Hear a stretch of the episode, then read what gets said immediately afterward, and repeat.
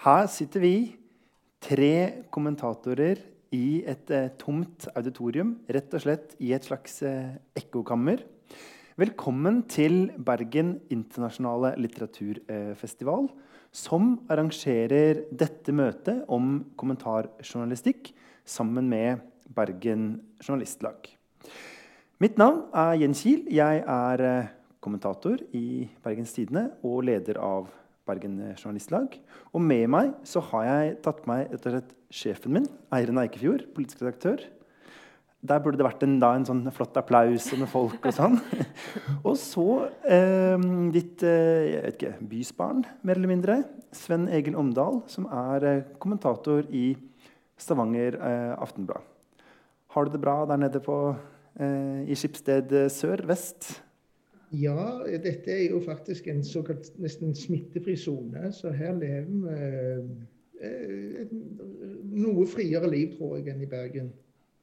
Som du eh, så diskré antyda for meg, eller nevnte litt i forbifarta i forberedelsene, så er det bare to eh, mennesker i hele verden som ikke hører til i en Oslo-avis, men likevel har vunnet eh, Riksmålsforbundets eh, gullpenn begge to eh, er altså Det er to av tre i panelet, og det er ikke meg. og Vi skal komme litt, litt tilbake til dette med, med, gullpenner. Men jeg tenkte at vi kanskje kan starte først med denne litt mystiske sjangeren vi jobber i. Og Sven Egil, hva, hvor kommer egentlig aviskommentaren eh, fra? Du mener det er en litt ny, ny sjanger? Eh, ja, den, den sjangeren som ikke er lederkommentaren. altså Kommentarene i avisene var jo stort sett lederkommentarer eller innsendte kommentarer. Men når avisene løsna båndet til partiene på 70-80-tallet, og ikke minst etter at en fikk en ny redaktørtype i avisene, som var mer knyttet opp mot konsernene, og som var folk med andre forutsetninger for å lede en avis enn kanskje at de mente veldig sterkt om politikk og samfunn. Så utvikla avisene da denne nye gruppen medarbeidere som, som ble kommentar, kommentatorer, og som eh, i motsetning til tidligere ikke alltid nødvendigvis delte avisens politiske grunnsyn, men, men var en friere fugl i reiret. Ja, hva mener du med en friere fugl? Altså, fikk de lov til å mene helt hva som helst? Det er klart at Lederartiklene var jo stort sett lojale. Det varierte. I Venstreavisene var det nok videre rammer enn det var i Arbeiderpartiets aviser og, og Høyreavisene. Men, men øh, øh, når en fikk et kommentariat, altså fikk medarbeidere som skrev personlige kommentarer, i Stavanger Aftenblad så heter den første sånne spalten som ble introdusert på 1970-tallet, 'For egen regning'. Og Det skulle understreke at de som skrev der, de forplikta ikke aviser. Det var, det var deres personlige mening, og den kunne ofte avvike da, fra det som avisa mente på lederplass. Og um, i aviser som da etter hvert var ubundet partiene, så så en jo at det var mange kommentatorer som skrev kommentarer som som til og med var i strid med det som sto på lederplass i avisene. Eh, og det var altså en ny situasjon som er kanskje da en 20-30 år gammel maks. Hva slags eh, folk var det da som befolka eh, kommentarspaltene? Eh, skal jeg tippe at, eh, at kjønnsfordelinga var nordskeiv, eller? Ja, men det var han jo. altså For det første så var det sånn at helt fram til våre dager er det jo sånn at det har vært bedre kjønnsfordeling i bispekollegiet enn i Redaktørforeningen. Mm. Eh, sånn at eh, Redaktørgruppen er jo den gruppen som senest nesten har, har fått eh, vist noe mangfold. Sånn at, eh, og Det samme gjaldt egentlig store deler av journalistfaget, spesielt den politiske journalistikken. At den var veldig mannsdominert. Og den var selvfølgelig etnisk helt homogen og kulturelt temmelig homogen. Sånn at kommentatorene avvek jo veldig lite fra den gamle redaktørtypen. Det var en mann med, ofte med en avslutta halvt eh, avslutta universitetsutdannelse eller kortere, som hadde sterke meninger om politikk, samfunn, eh, sport og kultur. Det er jo, eh, Eirin, en, en, slags generasjonssamtale dette er ment å være. Men eh, i går så tok du på en måte steg over i de voksnes ja. rekker og ble en 40-åring. Men eh, du fyller jo på en måte litt ut det som, eh, som Sven Egil her snakker om. Ikke bare i kraft av å være eh, en som, er, som kom inn i kommentariatet en yngre alder, men også eh, si med feil kjønn. Mm. Og jeg, jeg, begynte som kommentator for eh, snart ti år siden, så jeg føler at jeg har vært med på dette generasjonsskiftet på et vis. Eh, og jeg begynte da og var 30 år og omtrent halvparten så gammel som flertallet i gruppen. Ja. Eh, og rett før det så hadde han som nå er kulturredaktør, Frode Bjerkestrand, eh, blitt rekruttert inn å, som et slags ungdomsalibi. Og da var han ganske tett opp mot 50. Mm. Så, så, det sier jo litt om liksom, hvordan, eh, hvordan, dette var en gang. Jeg kan jo på en måte forstå hvorfor man tenker ungdomsalibi med Frode fremdeles. Han er fortsatt mentalt sett det hos oss. Ja. ja. Eh. Så, men jeg tror det var så uvanlig på den tiden eh, å tenke altså, Det var jo selvfølgelig innslag, men majoriteten var jo en sånn gubbegreie og litt sånn inntrykk av at dette var en slags belønning for lang tro tjeneste i den politiske journalistikken.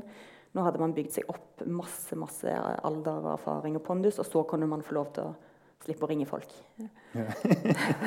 så ja, det har skjedd. Eh, og det er jo kanskje den, kanskje den, mest synlige endringen jeg kan tenke på, er den aldersspredningen som, som forandrer seg radikalt i veldig mange aviser. Mm.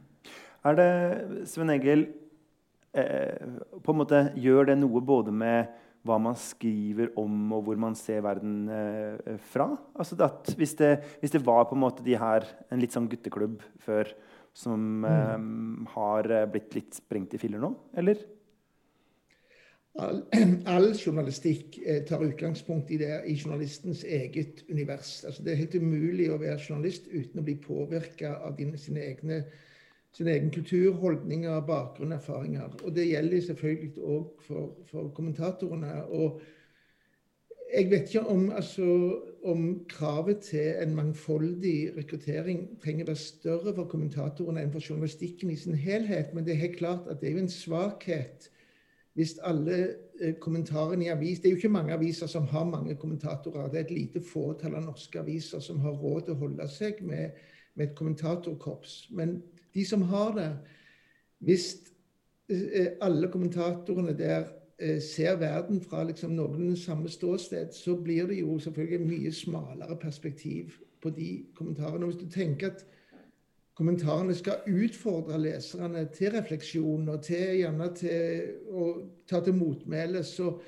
så, blir det veldig trangt hvis, hvis alle har samme økonomi, økonomiske forhold, samme kulturelle bakgrunn. Eh, interesserer seg for de samme tingene. Perspektivet er det samme. Så, så jeg tenker at eh, det å aktivt rekruttere, som jeg tror Bergens Tidende er en av de første som har gjort offensivt rekruttere litt bredt i kommentatorkorpset, er selvfølgelig en styrke og, og noe som gir det samla tilbudet av kommentarer enn en, en, et løft. For Du sa jo på en måte at kommentaren er, er, er, fri. da. Eller Det var litt sånn, har vært og er litt adelsmerke for den. Men eh, da jeg ble ansatt i Bergens Tidende for ja, litt under tre år siden, eh, så gikk jeg fra Klassekampen eh, hva skal jeg si, gammel AKP-avis til eh, Bergens Tidende, gammel venstreavis, eh, borgerpressa. Og det ble på en måte et tema for eh, bl.a. denne mm, Giæver og Joffen-podkasten som VG hadde. Fordi det var på en måte noe oppsiktsvekkende i det likevel. da. Sånn at hvis, hvis det var helt sant det du sier om at eh, nei, i, i, en hvilken som helst avis kan alle mene hva som helst, så ville jo ikke det være noe oppsiktsvekkende at BT henta en eh, med så sånn, jeg si, mørkerød bakgrunn som jeg har? Hva tror du, Eirin? Eh, det, det, er kanskje første gang eller i hvert fall Det som var påfallende, var kanskje at det var så tydelig. For veldig mange kommer jo kanskje inn med en mer politisk schizofren Eller, eller kanskje min, mer avdempa Og så var det det at du og Morten Myksvold ble ansatt samtidig. En med bakgrunn fra vel, venstresiden, en med bakgrunn fra Frp. Og det kanskje var et veldig tydelig markering av at politisk bredde var ja. Hvor står du hen? Nei, jeg er jo en av de politisk schizofrene folkene ja. som er fri og ubunden. så derfor så hører du hjemme i en venstreavis? ja. ja. Men hva, hva, er en god kommentar, egentlig? Eh, det kunne vi snakka om sikkert i hele denne samtalen, men vi må kanskje prøve å svare på hva, hva denne sjangeren er, og ikke minst hva som skiller den f.eks. fra det du sa om et, en, eh, Egil, et, et innsendt et lesebrev? Eller, altså, det er jo bare en meningstekst, er det ikke det? Jo, men du kan si at all journalistikk er, er, er ting som folk, andre folk gjør òg. Altså innhenter informasjon og behandler informasjon. Jeg pleier å si at det, det, vi kan sammenligne oss med profesjonelle fotballspillere. Vi gjør det samme som veldig mange andre gjør, men vi skal være gode nok til at noen vil betale oss for å gjøre det. Og betale for å se på oss og lese oss. Altså, kommentatorjournalistikk og journalistikk i det hele tatt, det er um, det er veldig mange som kan skrive like godt og mene like sterkt som de som har det som yrke, men, men de som har det som yrke, må jo selvfølgelig utvikle ferdigheter som gjør det interessant å lese eh, profesjonelle journalister. Og kommentaren eh, sitt, sitt, Jeg mener jo at det er en sjangerblanding i Norge som er litt uheldig, fordi at vi kaller alt for kommentar. Men veldig mye av det som er stempla som kommentar i Norge, er egentlig bare analyser, bakgrunner. Det er ting som forteller hva som har skjedd, og kanskje hvorfor det skjedde. Men etter min mening så er kommentaren normativ. Den, den, bør ende opp i en konklusjon om hva som bør skje, eller hva som burde ha skjedd. En, for meg er en god kommentar det er eh, det som gamle sjefredaktør Steinar Hansson i Dagsavisen sa når han fikk den store journalistprisen, at redaktørens fremste oppgave er å sette sin vilje gjennom. Eh, og det å, være kommentator, da bør du ha en vilje, en, en, samfunnsvilje som du ønsker å sette igjennom. Du må altså ønske å overbevise noen om at det standpunktet du har inntatt, er et godt standpunkt, og, og få noen til å tilslutte seg dette standpunktet. En analyse kan være glimrende. Den kan være både dypsindig, den kan være veldig basert på veldig grundig research, og det kan være velformulert. Men sjangeren og formen er en annen enn i kommentaren. Altså, du mener f.eks. Eh, NRK sine kommentatorer ikke egentlig er kommentatorer, men analytikere, eller? Ja, hvis NRK er det veldig forskjell på sportskommentatorene og de politiske kommentatorene. Sportskommentatorene har ingen grenser, virker det som. De kan stort sett mene hva de vil. Mens de politiske kommentatorene de er analytikere. De prøver å forklare seere og lytterne hva som har skjedd, hvorfor det har skjedd. Kanskje antyde hva som kan komme til å skje. Men eh, du ser at både Lars Nehru Sand og, og, og, og, de andre kommentatorene de vokter seg vel for å eh, konkludere med hva som bør skje. Men selv vi, Eirin, er jo litt sånn eh, Vi er jo mer tilbakeholdne enn sportskommentatorene. Altså, da Norge f.eks. fikk plass i Sikkerhetsrådet eh, Det var ingen av oss som skrev kommentaren 'Gull-Ine Marie slo til i USA'. Eh, Nei, og det er vel litt eh, Det er vel ingen av oss som har den personligheten som skal til for å heie så voldsomt på noen ting. Eh, det og det tror jeg jo kanskje er Jo, og det er nok en kjerne i kommentarjournalistikken at du har en kritisk tilnærming. Eh, og den konklusjonen du kommer til, er ofte Den innebærer jo ofte et snev av kritikk eh, mot det bestående, mm. eller mot noen. Sparker ofte oppover. Maktkritisk er et viktig stikkord. Eh, og vi tuller jo litt med at det vi gjør er, vi driver liksom med noe som er folkeopplysende og hatefullt. At det er på en måte vårt varemerke. Vi, fikk, eh, vi har vedtatt kjerneverdier. Det er kjerneverdiene, de uoffisielle kjerneverdiene hos oss. Men jeg, jeg jo, uoffisielle? Har vi offisielle andre? Nei, ja um, Men uh, det er i hvert fall Jeg tenker jo at det på et vis er litt betegnende, da. Fordi at vi skal både analysere, forklare, gi folk, eh, lede folk gjennom en sak og forklare dem hvorfor den ble sånn, hva som er problemet, eh, og hva som er kanskje løsningen. Men det er òg en brodd der, eller bør være en brodd der, tenker jeg, som handler litt om personlig stil, eh, språk, eh, kritikk, som gjør det annerledes enn analysen, og som kanskje skiller det fra det forsøksvis objektive, nøytrale NRK-hegemoniet. Mm. Men eh, det, noen ganger så kan jeg jo føle litt på at hvis nyhetsjournalistene i Bergens Tidende graver fram noe viktig, så er vår jobb etterpå å skrive en kommentar om sånn Oi, det var veldig alvorlig. eh, ikke sant? De er arbeidshestene, vi er sirkushestene. Eh, og jeg kan jo også kjenne litt på at det kan være litt sånn Kanskje litt flaut eller litt rart. Eh, og etter å ha vært nyhetsjournalist selv. Eh, og liksom, så har de gjort en kjempejobb for å avsløre en IT-skandale i kommunen. eller et eller annet. Og så er det vi som på en måte kommer på TV og radio og blir liksom ansiktet ut av det får masse applaus for den mm. viktige jobben. Og veldig interessant at kommentarsjangeren er så reaktiv. at han ikke, Vi kunne jo like gjerne gravd fram nyhetene og presentert de i kommentarform. Mm. Men sånn har det ikke blitt. Har det, alltid, har det alltid, vært sånn, Svein Egil? Bare før vi går videre. Nei, nei altså den amerikanske spaltisttradisjonen de store amerikanske avisspaltistene de hadde egne researchavdelinger som researcha for dem, og de hadde veldig ofte avsløringer i kommentarene sine. Til dels veldig store avsløringer, politiske avsløringer. Men det var altså i et annet økonomisk eh, system, hvor, hvor altså en kommentator gjerne kunne ha en stab på fem, seks, syv, åtte medarbeidere som bare skulle skaffe fram fakta til kommentaren.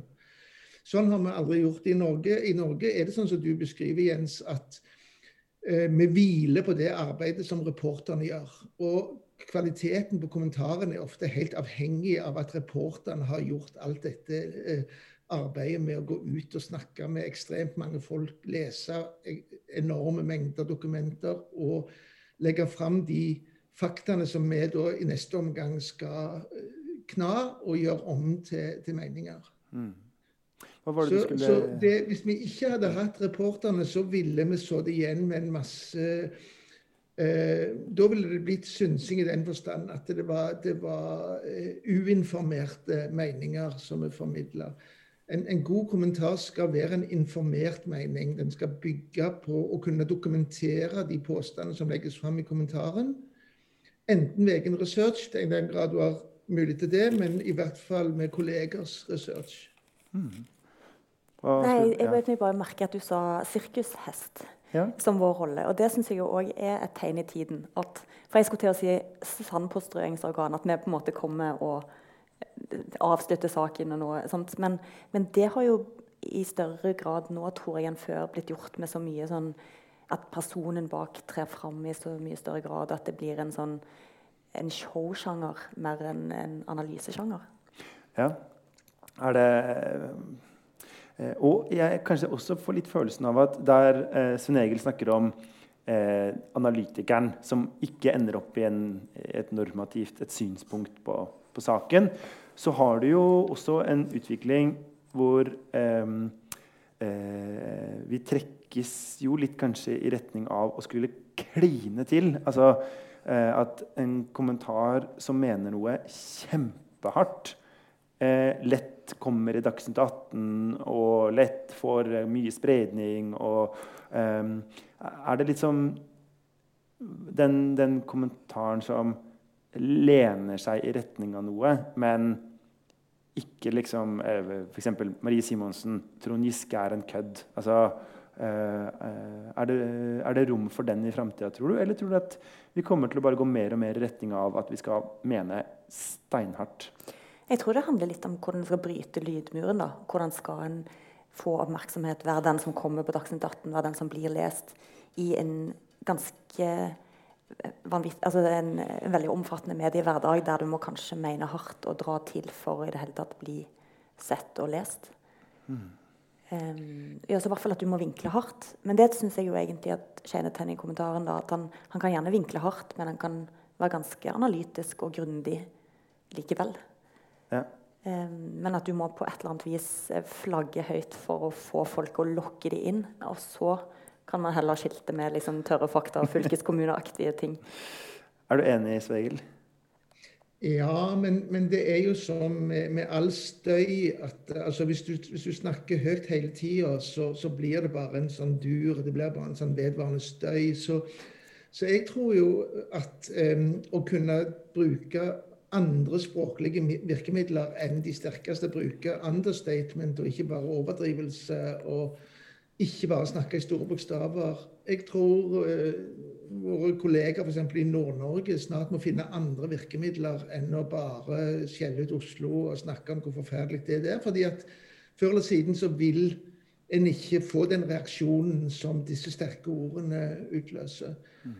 Så det å ha et større klaviatur å spille på og kunne bruke andre virkemidler enn bare den sterke formuleringen, det tror jeg er en styrke. Hvis du skal holde på lenge med, med å være kommentator eller, eller eh, en avis som ønsker å liksom overraske litt, så må du ikke bare snakke i, med mm. utropstegn. Men, men, jeg liker jo det du sier med altså Der er jo andre virkemidler, og, og det er jo det som gjør kommentaren spennende. Også, fordi at han kan bruke humor på en helt annen måte enn man kan i andre artikler. Eh, mer sånn underfundige formuleringer og sarkasme. Altså, du, kan, du, har et veldig stort repertoar å spille på som går på det språklige. og det, Jeg syns jo ofte at en god kommentar er underholdende i seg sjøl. At den skal være en, du kan skrive lett og ledig og vittig om veldig tunge ting. da. Mm. Og det er en, en utfordring, men òg det som er gøy med det.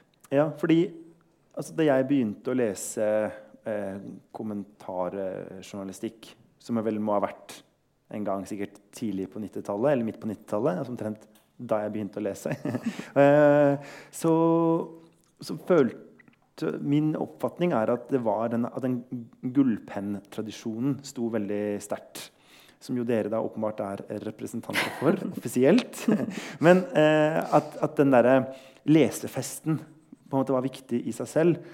Uh, og det lurer jeg jo på Kan det være altså fra papiravisa, hvor du på en måte bretter den ut i full format, og der har en eller annen uh, mann 57 ment noe på god plass, liksom. Mens i dag så skal du konkurrere så vanvittig, kanskje etter uh, både internetts og sosiale mediers virkelig gjennombrudd. Så hardt at, at uh, det er ikke mulig lenger med sånn fiffige ordspilltitler som ingen skjønner noe av, eller som du må grunne på, eller som kanskje at du gjemmer vekk det gode poenget ditt helt til slutten av teksten. Jeg tror i hvert fall at altså Det vi har sett også, jeg, den, i de senere årene, er jo et vanvittig temposkifte. Alt skal gå raskere. Jeg husker Da jeg begynte, så var en sånn gjengs tid på en kommentar var kanskje halvannen dag. Eh, nå er det tre timer. Og der tror jeg noe går tapt. Og det gjelder jo ofte sånn, Godt språk krever jo tid og mulighet til å dvele og skrive om igjen og, og tenke ut disse fiffige formuleringene. Og jeg tror jo at tempo kanskje kan, eh, kan dempe det, eller i hvert fall eh, gjøre noe med den delen av, av sjangeren. Det er jo, eh, Akkurat det du sier der, Eirin, er jo en veldig tydelig sånn eh, endring. Eh, jeg har skrevet lørdagskommentarer i 25 år nå. Sånn, og Først så var jeg lenge, var vi veldig få som gjorde det, sånn at du, du kunne, vi kunne fordele temaene liksom, mellom oss uten å gå og trø på hverandre. Men da begynte jeg jo ofte å lese meg opp på mandag-tirsdag, og så skrev jeg på torsdag ettermiddag, og så sto den kommentaren på lør i lørdag. Det gjør jeg ennå, men nå merker jeg jo stadig oftere at folk skriver kommentarer, nemlig, nemlig på sånn live-kommentarer, at kommentaren kom en time etter begivenheten. Det er jo selvfølgelig en enorm risikosport, fordi det er ikke sikkert du har den helt store oversikten en time etterpå. Det er ikke sikkert du har den en uke etterpå, men du har den veldig ofte ikke en time etterpå. Men så har jeg funnet ut at det, har, det, betyr ikke så mye for leserne. Leserne kan godt vente til lørdag og lese en kommentar om noe som mange andre har kommentert. For de forholder seg mye til kommentatoren.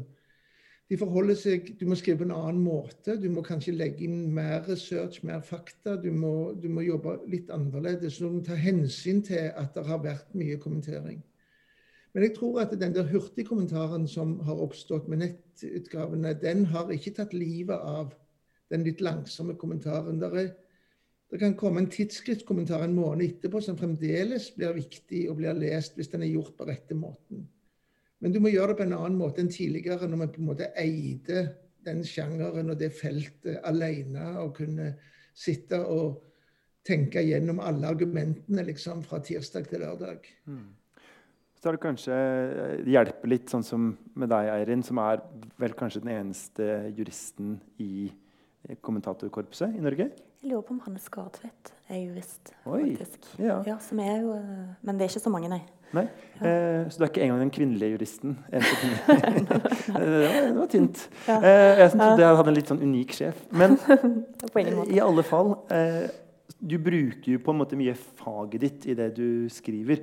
Og det gjør vel kanskje også at eh, de som ønsker f.eks. En, en tekst om ja, Bertheussen-saken, ikke bare eh, Var dette oppsiktsvekkende? Var det helt sinnssykt? Hva i alle dager var dette? Men litt sånn eh, Vil hun bli dømt? Hva, hva mener man egentlig med et bevis i retten? Hva, hvilke paragrafer er dette? Hvor uvanlig? Eh, så er det bare deg vi kan vente på, omtrent. Ja, jeg liker jo å ha eh, altså jeg, tror, jeg tror det er et poeng å finne nisje også, som kommentator, der du faktisk kan si at 'dette kan jeg'. Eh, fordi at eh, Faren med særlig når ting skal gå så raskt, og det er så mange som mener om ting som en kanskje ikke har så mye forutsetninger for å vite noe om, så blir kommentarene ofte ganske banale. Mm. Og det å, å, gå inn i det med en sånn faglig tyngde eh, gjør jo at du kanskje får en selvtillit på at du har noe å komme med. Mm. Og så gir du leserne Så tror jeg også det gir en trygghet i at jeg kan Dette må jeg forklare helt enkelt for alle, sånn at de skal skjønne det. Men jeg er ikke redd for at noen skal tro at jeg ikke kan det likevel. Ja. Um, så jeg, jeg, tror på nisjekommentatorene, fordi du vil jo alltid lese folk som du har tiltro til på det feltet. Eh, og samtidig så vil jo kommentatorene, i motsetning til fagfolkene, kunne formidle det på en helt annen og betydelig mer tilgjengelig måte enn f.eks. Eh, fagjuristene vil gjøre det. Ja. Min plan er jo egentlig at hvis jeg er kommentator eh, når jeg når Svein Egil sin eh, alder, så er jeg på en måte en sånn eh, hvit mann med selvtilliten til å kunne mene noe om alt. Eh, eh, er, det, er det sånn, Sven Egil, eller er det områder hvor du tenker at sånn, nei, det holder meg ofte unna, fordi at jeg føler at jeg rett og slett ikke har så mye å bidra med? Ja, det skjer jo ofte, men, men, det skjer jo veldig ofte at jeg kaster meg ut i felt som jeg ikke kan noe om på mandag. Og så skal liksom et par hundre tusen lesere lytte til hva jeg mener om dette på lørdag. Det, det, det er på en måte en sånn strikkhopp-delen uh, av yrket vårt. er At du, du må, du må um, ha en ferdighet i å tilegne deg både kunnskap og meninger på et felt veldig, veldig raskt. Uh, og det er klart, det er, Av og til så er du jo livredd for at du har oversett noe, eller at det er et vesentlig del av det emnet du går inn i som du faktisk bare ikke har forstått. Men, eh, men noe spenning skal en jo ha i livet. Eh, og ofte så lander en jo på beina likevel. Det handler jo om meg. det, det, å være allround-kommentator Jeg begynte som mediekommentator og skrev mediekommentarer i mange år. Og det var trygt, for det feltet kunne jeg. Det hadde jeg jobba med, det hadde jeg jobba med på alle sider av bordet. Og når jeg flytta utenlands så måtte jeg skrive fra utlandet, og dermed måtte via ut feltet mitt, så merket jeg at jeg ble mye mer nervøs for om jeg hadde forstått temaet godt nok og lest meg godt nok opp, hatt de beste kildene. Mye mer enn når jeg var spesial, og som du sier, Eirin, når jeg beherska en nisje og, og kunne gå dypere der. Men jeg tror det du snakker om også er veldig altså, Har du lang erfaring som kommentator, så har du kanskje mye mer selvtillit på at du er god til å bløffe. For det er jo det vi er, egentlig. God til å sette oss inn i veldig mange ting veldig raskt, og så skrive om det med en helt uh, uforklarlig autoritet og en fasit. Men i hvert fall for meg så var det ganske Jeg begynte jo som kommentator ganske tett opp mot 22. juli-rettssaken. Jeg husker den dagen jeg kom inn der, rettssal 250, og der satt liksom hele gullrekken av norske kommentatorer. Og da var alle liksom alle de mennene som hadde vært der lengst. Og, altså, eh, også meg. Og jeg følte meg så, altså, Det var liksom den følelsen av å være så liten og uaff... Altså i dette her, den største nasjonale saken. Da. Og bare vite at OK, men jeg kan, jeg kan i hvert fall eh, faget. Ja. det jo ganske mye for meg personlig da, å vite at uh, jeg kan skrive om dette. Ja. Jeg, tror første gangen jeg skulle i Stortingets presselosje, altså som eh, journalist i Klassekampen, så hadde jeg tatt på meg Jeg tenkte jeg måtte ta på noe litt sånn finere enn vanlig. Så jeg tok på meg eh, den eh, eh, en rød ullgenser som eh, mormor har strikka. Eh, og følte meg liksom ordentlig sånn Nå er jeg dratt på. Og da kom det en vakt bort og sa at eh, du, jeg ber om at du fra nå av finner deg litt finere klær hvis du skal i, i Stortinget. og at det der er ikke godtatt. Eh, så fra da av har jeg jo ikke gått i noe annet enn ullgenser på Stortinget. Eh, men jeg mener at det norske parlamentet, der må eh, lusekofte, busserull, ullgenser Det må være innafor. Ferdig med det. Men har vi en sånn eh... Hørte du hvor normativ du ble nå, Jens? ja. Men jeg er, jo, altså, jeg er jo ikke redd for å kline til. Det, jeg tror eh, Eirin kan sikkert irritere seg over et par ting med meg, men ikke mangelen på, liksom, altså, mangelen på sterke meninger. Eh, så, men apropos Siden jeg nå klarte å få samtalen til å handle om eh, mitt eget utseende, da eh, Som så ofte. ja. Så eh, dette, hvis vi skal eh, snakke litt mot slutten her om om faget vårt framover.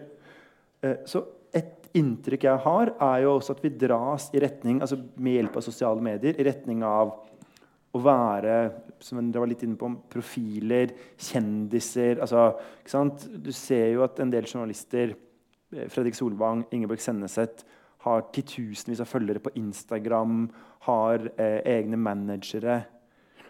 Eh, hva vil det gjøre med den her trauste 6000-tegns nerdete lørdagskommentaren om økonomi eller eh, sikkerhetspolitikk eller EØS eller juss.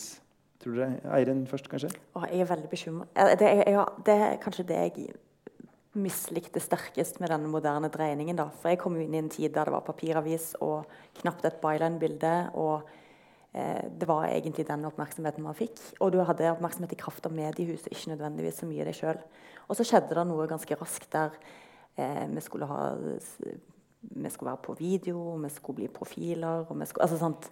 Eh, og det tar jo veldig mye oppmerksomhet vekk fra budskapet å sette seg sjøl i fokus. Og at folk skal lese deg fordi at du har eh, masse bilder av deg sjøl med kommentaren. I, altså, ja, ja. Det syns jeg er et forfallstegn. da. Um, så ja, Første høsten jeg jobba i BT, så hang det vel et sånn 150 kvadrats seil på Lagunen Storsenter med bilde av meg på. Eh, tenker du Sven Egil, at det er selve sykdomstegnet for faget? Ja, altså Når journalisten blir viktigere enn en budskapet, når, når en blir en sånn merkevare som skal løftes og beskyttes det, hvis du ikke klarer det liksom, gjennom ordene dine, så er det klart at, uh, at markedsavdelingen må ta over. Da sliter du. Uh, men jeg tror det nye medielandskapet er veldig sammensatt. og Det må være helt i orden at, at det òg kommentariatet er sammensatt. At er noen bruker sin egen historie og sitt eget liv mye mer enn andre. Noen driver lifecasting, og noen driver mindcasting mye mer. Altså det, det ser jeg ikke som et stort problem hvis det ikke blir at alle skal gjøre det samme. At alle skal være såkalte influensere, og alle skal skrive ut fra egne personlige kriser og opplevelser. For da er det igjen, da blir det jo bare smalt på en annen måte. Hvis, hvis gevinsten i den utviklingen som vi nå skal, som vi skal prøve å illustrere med Eirin og meg her, nemlig at det er blitt et mer sammensatt bilde av hvem som skriver kommentarer i, i mediene så må en jo passe på å holde det. Da må det være plass til 60 pluss gamle hvite menn, og så må det være plass til farga unge kvinner og alle ting imellom. Og det tenker jeg at det må være redaktørens store oppgave å sørge for at, at det blir et veldig blanda kor. Det, det, når, når, kommentarene ikke skal være ensretta og bare underbygge det som det store vi har ment på lederplass, men være et, en, et sted hvor en hører mange røster, så må jo det være en veldig redaksjonell utfordring å sørge for at det koret er så spennende og sammensatt at mm. eh, mye flere finner noe der som, som, de responderer på. Og så tror jeg jo Et tegn i tiden med journalistikken generelt er jo at den er mye mer leserfokusert. Vi har lesertall, vi er opptatt av hva leserne ønsker seg, hva de er interessert i. Det var han jo ikke for veldig kort tid siden. egentlig. Og da var det jo eh, kommentariatet i sin autoritet som bestemte hva som var viktig og ikke viktig. Ja. Eller trodde at de bestemte. Ja, ja. Og så var det ingen som kunne ta oss på noen ting. For det var jo ikke noen som visste Folk oppga jo alltid at de leste kommentarene uansett, og utenriks. Ja. Eh, ikke alltid like sant. Men, det er en eh, fare, Eirin, fordi jeg merker at det, Eh, nå får vi tilbakemelding hvor, mange, hvor mye kommentarene våre blir delt i, i, sosiale medier. Og Hvis du har hatt noen kommentarer som virkelig får som går viralt, så er det veldig fristende å legge seg i det samme feltet igjen. For det, det kiler jo egoet selvfølgelig når du vet at hundretusener liksom har vært borti den saken.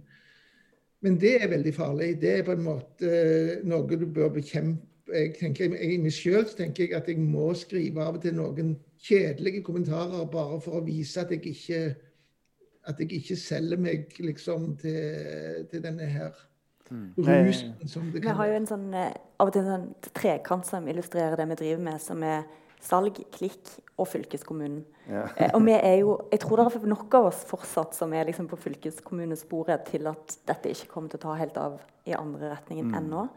Men det kan jo tenkes at det er nettopp den gamle skolen. At dette er noe som kanskje vil bli Når lesertall blir enda viktigere, når, eh, ja, når, når den trenden du nevner, Jens, eh, får enda mer plass og tar enda mer over, så kan vi jo være et helt annet sted. Hvis vi, eh, vi, skal gripe det som det fine uttrykket 'blanda kor', som Svein Egil her lanserte for i stedet for eh, kommentariatet eller eh, elitesynserne eller andre ord som man også kan sette på vår stand. Eh, så jeg tenker f.eks. at det at vi i løpet av et par uker nå eh, på nyåret har fått Nasnin Khan Østrem eh, som kollega i Aftenposten og Shazia Majid i eh, VG, ble jeg veldig glad for. og vi har jo på en måte folk nå som Altså eh, f.eks. viser en slags sympati i retning av eh, om ikke Senterpartiet, så i retning av på en måte en sånn, eh, å, å, forstå eh,